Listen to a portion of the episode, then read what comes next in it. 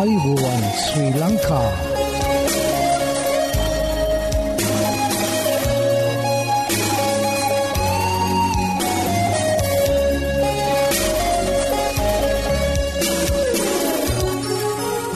ඔබට සුපදවස මේ Adventist World radio බලාපොරොත්වය හඬ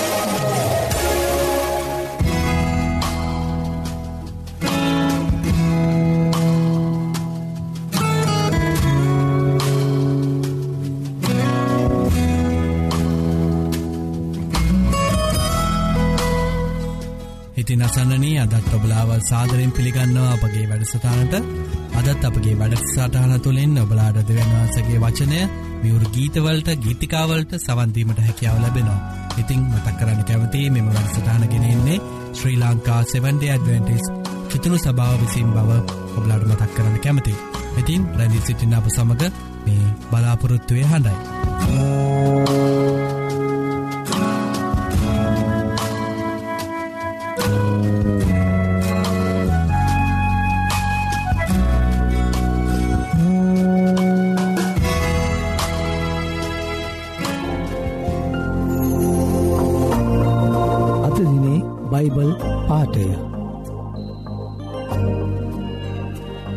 අපේ බලාපොරොත්තුවේ ප්‍රකාශ කිරීම චංචල නොවන පිණිස එය තදින් අල්ලාගෙන සිටිමු.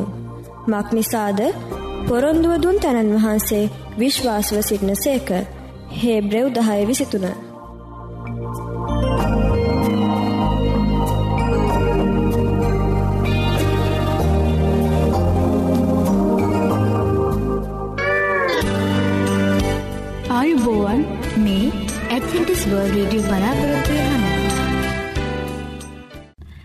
සත්‍යය ඔබ නිදස් කරන්නේ යසාය අටේ තිස්ස එක.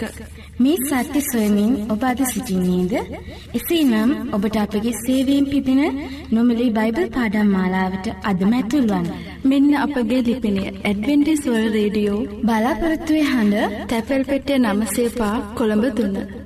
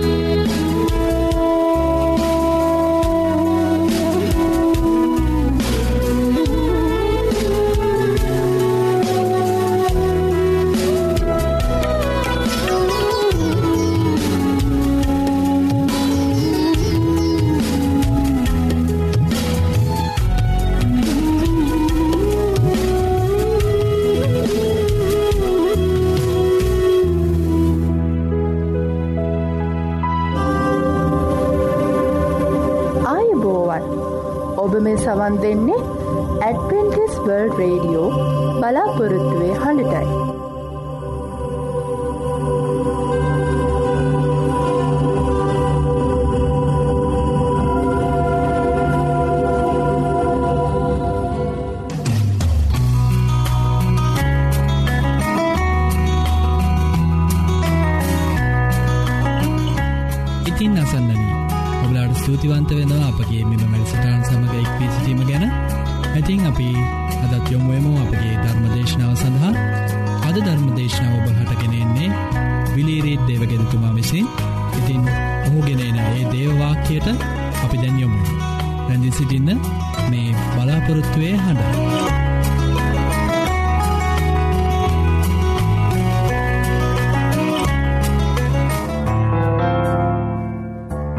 අද අපි ඔබට ඉදිරිපත් කරන දේශනාවේ මාතෘකාව වී තිබෙන්නේ යාඥාවෙන් ලෙඩ සුවවෙයිද. මෑතකදී කොළඹ නගරේ පෝස්ටර් අලවා තිබුණ ප්‍රසිද්ධ ස්ථානවල. යාඥාවෙන් ලෙඩ සුව වෙනවා නම් ආරෝග්‍යශාලා කුමටද වෛද්‍යවරු කුමටද යනුවෙන් එම පෝස්ටර්වල සඳහන් වී තිබුණා. ක්‍රස්ටයානි බැතිමතුන්ට මෙම ප්‍රශ්නය ප්‍රහෙලිකාවක් නොවෙයි. මක්නිසාද සුද්ද බයිබලයේ යාඥාව නිරෝගිකම සහ සුවය ගැන දෙවියන් වහන්සේ ගැනද සඳහන් කර තිබෙන නිසා.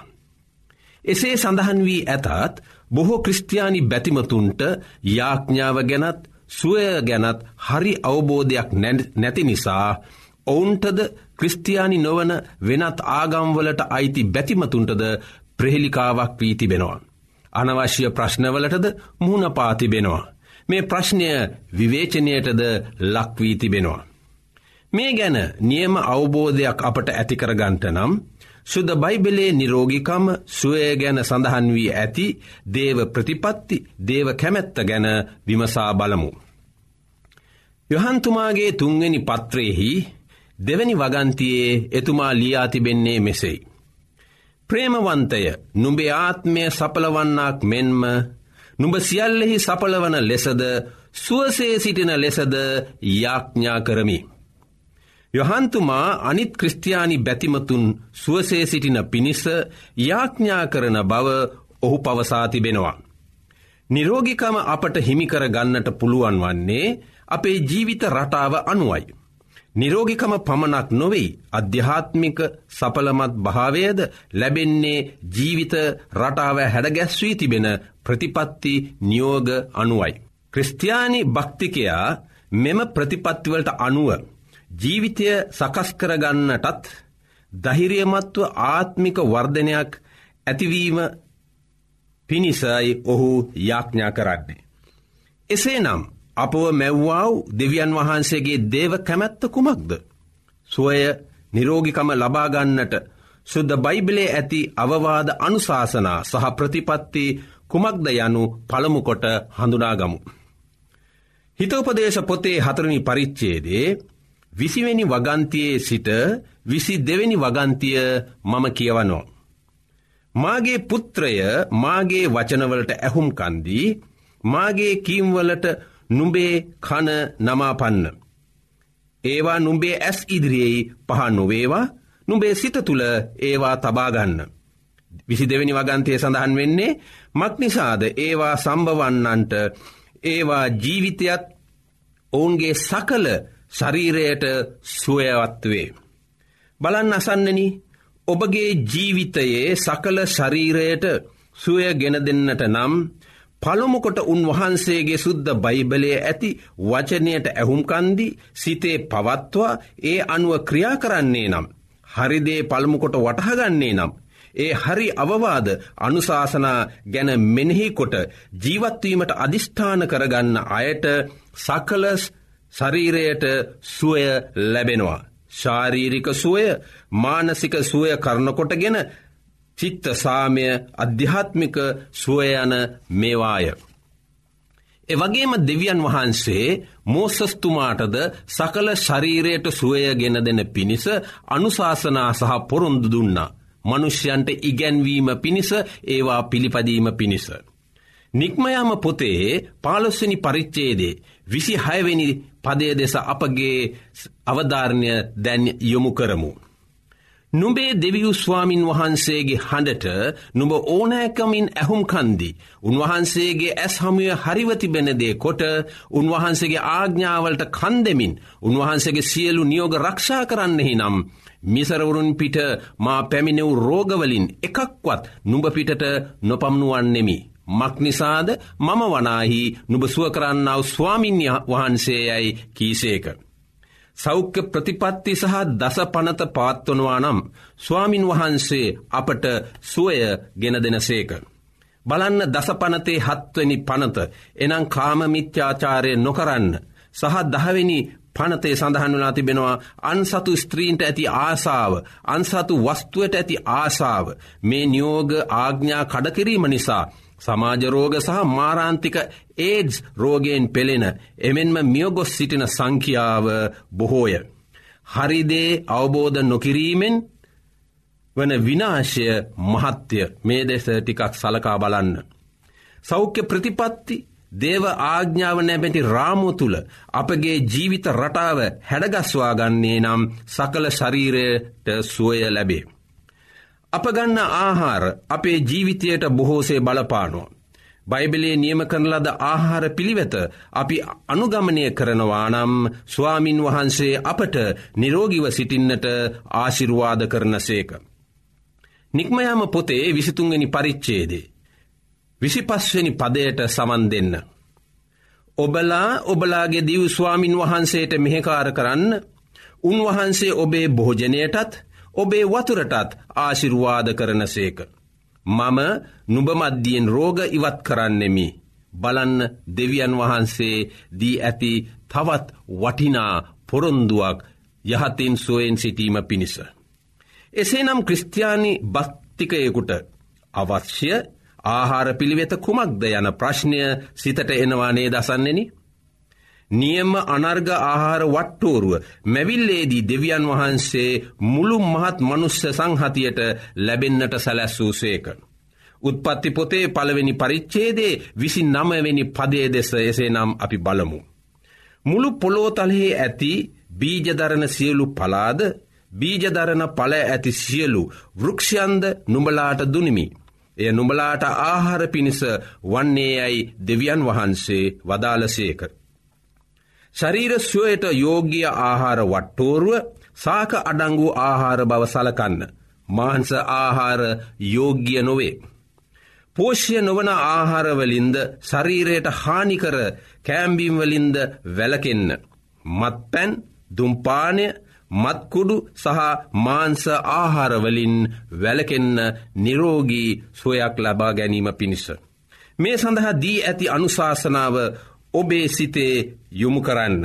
යසයාගේ පොතේ පනස් පස්වනි පරිච්චේදේ දෙවැනි පදය අපි කියවා බලමු. කෑම නොවෙන දේට මුදල්ද තෘප්තියට නොපමුණුවන දේට නුඹලාගේ වස්තුවද වියදම් කරන්නේ මක්නිසාද. හොඳාකාරයෙන් මට ඇහුම්කන්දී හොඳට තිබෙදනෙදේ කන්න ඔබලාගේ ප්‍රාණයද තරකම බුක්ති විඳීවා. දේව කැමැත්තට ප්‍රතිපත්තිවලට පිටුපා හැඩගස්වාගන්න ජීවිත රටාව යහපත් සෞඛ්‍ය තත්ත්වයෙන් පවතින්නේ නැහැ. තවත් දැවෙන ප්‍රශ්නයක් තිබෙනවා.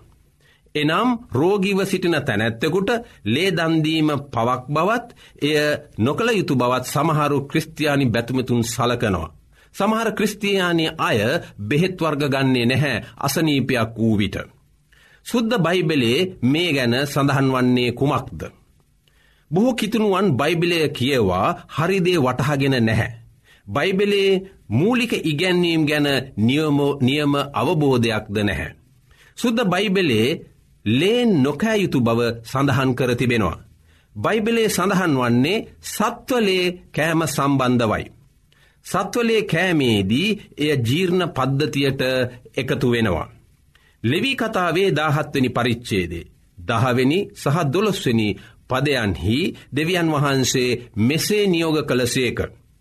ඊස්රයිල් වන්සේන් හෝ ඔවුන් අතරේ වසන විදේශීන්ගෙන් හෝ කවරෙක් නොමුත් කොයි ආකාර ලෙයක්වත් කෑවොත් මම එසේ ලේ කන තැනැත්තාට විරුද්ධව මාගේ මුහුණ යොමු කරමින් ඔහු තමාගේ සෙනග අතරෙන් සිඳදාමන්නෙමි. මක්නිසාද මාන්සේ පනතිබෙන්නේ ලේවලය එකොළොසුනි පදේ සඳහන් වෙනවා එබැවින් නුඹලාගෙන් කිසිවෙක් ලේ නොකෑ යුතුය. නුඹලා අතරෙහි විදේශයාද ලේ නොකෑ යුතුය. මේ නියෝගේ දුන්නේ ඊශ්‍රල් ජාතිකයන්ට පමණක් නොවෙයි. වෙනත් ජාතීන්ට අඇත්ව සිටින අයටත් බලපානවා. ඊශ්‍රයිල් ජාතිකයන් ජාතියක් ලෙස එන්නට ප්‍රථමයෙන් නෝවාට ලේ නොකන බවට දෙවියන් වහන්සේ පැවසූසේක. උත්පත්ති පොතේ නමවෙනි පරිච්චේද අපි කියවල බලමු යළිත්වරක්. නොමුත් මාන්සය එහි ප්‍රාණය වන රුදුරය සමඟ නොකෑ යුතුය. මෙම ප්‍රතිපත්තිය නවගිවසුන් කාලයේ සිටින කිතු බැතුන්ටද නියම කර තිබෙනවා. ක්‍රියාපොතේ පාලොස්වනි පරිච්චේදේ විසිවැනි සහ විසි නමවෙනි වගන්තීන් දෙස අපගේ සිත යොමු කරමු. බොටුව මිරිකා මැරූ සතුන්ගෙන්ද ලෙයින්ද වලකින ලෙස ඔවුන්ට ලියා ඇරීම යුතුය යනු මගේ තීරණය වේ.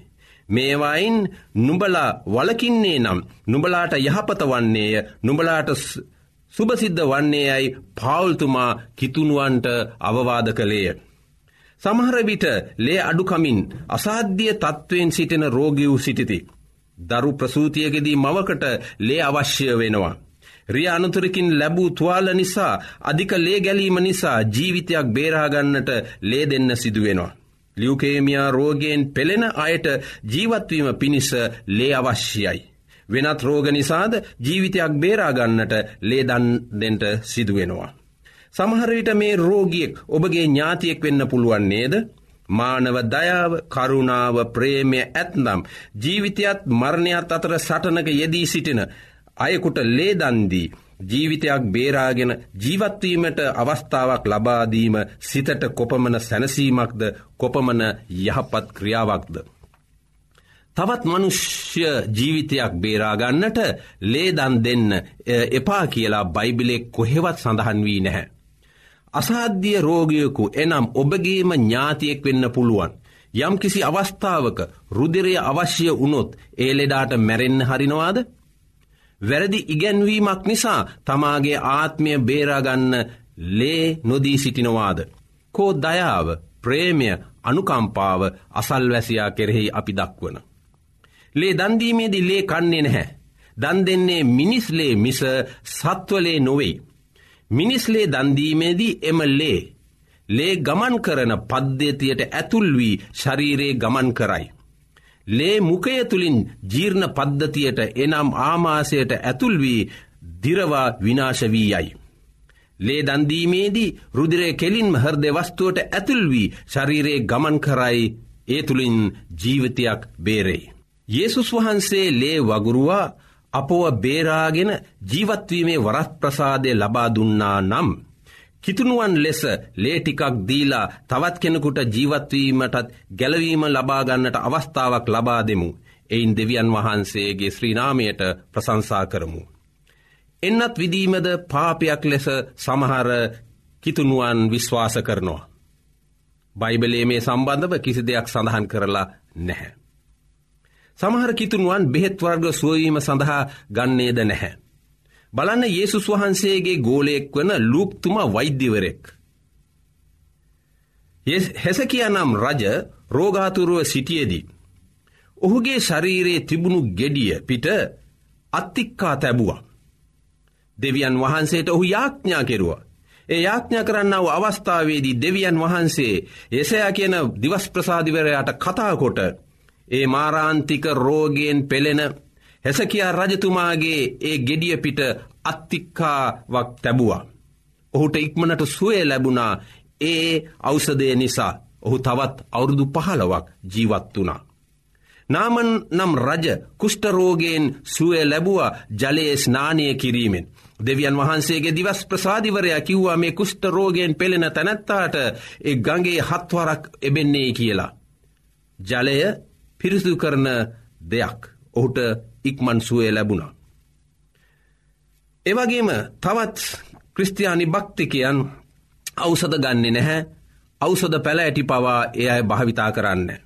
අවසද පැලෑටිවලින් අද නොෙක් රෝගවලට සුවය ලැබෙනවා. දෙවියන් වහන්සේ මේ අවසද පැලෑටි මැව්වේ මනුෂ්‍යයාගේ සුවය රැක ගැනීම පිණිසයි. වෛද්‍යවරු නිර්දේශ කරනවා. ඒ සුවදායක අවසද පැලෑටිවලින් අපගේ ශරීරය සුවපත් කරගන්ටේ කියලා. අපි හැම මොහොතකම හරිදේ කරන්න පුරුදුවෙමු. සුවය දෙන්නේ ස්වාමින් වහන්සේ. අපි උන්වහන්සේගේ ප්‍රතිපත්වවලට සහය දැක්කුහොත් සුවය ලැබෙන්නේ සමිධානන්ගෙන්. ලෙඩින් සිටින විට යාඥා කරමු පෞසමහව ඉල්ලලා. නියෝග කඩකරනවානම් ඒවා තුළ පවතින්නට ඇදහිල්ල විශ්වාසය ආත්ම දමනය ඉල්ලා ශක්තිඉල්ල අපි දෙවියන් වහන්සේට යාඥා කරමු.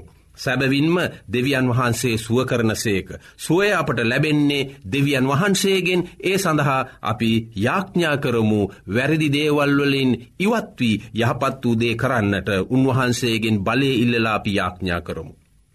සුව නොකරන අවස්ථාවන්ද ඇත. දෙවියන් වහන්සේගේ කැමැත්තට අපි ඉඩ දෙමු. හොඳම උදාහරණයක් තිබෙන අශුද්ධ බයිබලේ. පවල්තුමාගේ ජීවිතය සහ ඔහුගේ අත්දැකීම දෙස බලන්න. දෙවිනි කොරින්තිගේ පොතේ දොළොස්වනි පරිච්චේදේ අටවෙනි සහ නමේනි පදවල මෙසේ සඳහන් වී තිබෙනවා. පවුලුතුමාට තිබුණා කායික පීඩාවක්. මේ කායික පීඩාවෙන් මේ තැනැත්තා ඉතාමත්ම අසහනකාරි තත්ත්වයක සිටියේ. ඒ අවස්ථාවේදී මේ තැනැත්තා දෙවියන් වහන්සේගෙන් පිහිට ඉල්ලනෝ. දෙවියන් වහන්සේගෙන් සුවේ ඉල්ලා කරපු යාඥාවක් සහ එහි ප්‍රතිඵලයක් මෙසේ සඳහන් වී තිබෙනවා.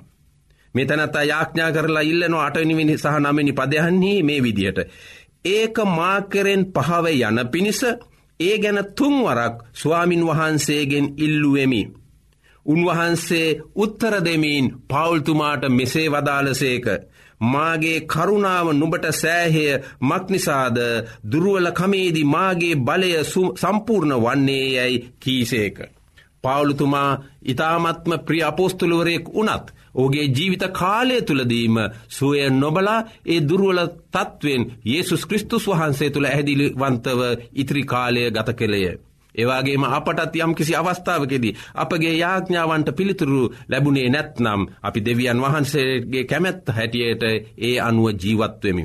අසන්නෙන දෙවියන් වහන්සේ සමහරවිට යාඥාවන්ට අපි බලාපොරොත්තු වෙන විදිහට උත්තර දෙන්නේ නැහැ. අපි උන්වහන්සේගේ කැමැත්තට ඉඩහරිමු. යාඥාවෙන් උන්වහන්සේගේ සෞඛ්‍ය ප්‍රතිපත්ති අනුව ජීවත්වීමට අවශ්‍ය අධිෂ්ඨානය විශ්වාසය ඉල්ලා යාඥා කරමු. දේව කැමැත්ත කරන්ට හරිදේ ඉගෙන ගනිමු ඉගෙනගත් දේ පවත්වමු. බයිබලේ අනුව ජීවිතය සකස් කරගන්න. ඔබ විශ්වාස කරනදේ බයිබලයට එකඟදයි විමසා බලන්න දේව කැමැත්ත කරන්න. ඔබ සියලු දෙනාට නිරෝගිමත් චිත්ත සාමයෙන් යුතු අනාගතයක් උදාවෙත්වා දෙවියන් වහන්සේගේ ආශිරුවාද මේ අසන්නාව ඔබ සියලු දෙනාටම ජීවිත කාලය තුළදීම ලැබෙත්වා ආමෙන්. ආයිබෝවන් ඔබට සුබදවසක්. මේ ඇඩවිටිස්වර් රේඩියෝ බලාපොරත්තුවය හන්න. වඩාත් යහපත් දීපෑත්මකට මාර්ගය ඔබ දන්නෙහිද? එසේනම් එය දැන ගැනීමට සුවසතට පියමන් පාඩම් මාලාවට අදම ඇතුල් වන්න. මෙන්න අපගේ ලිපිනය ඇඩවිටිස්වර්ල් රේඩියෝ බලාපොරත්තුවේ හඬ තැපැල් පෙට්ටිය නමසී පහ කොළඹ තුන්න.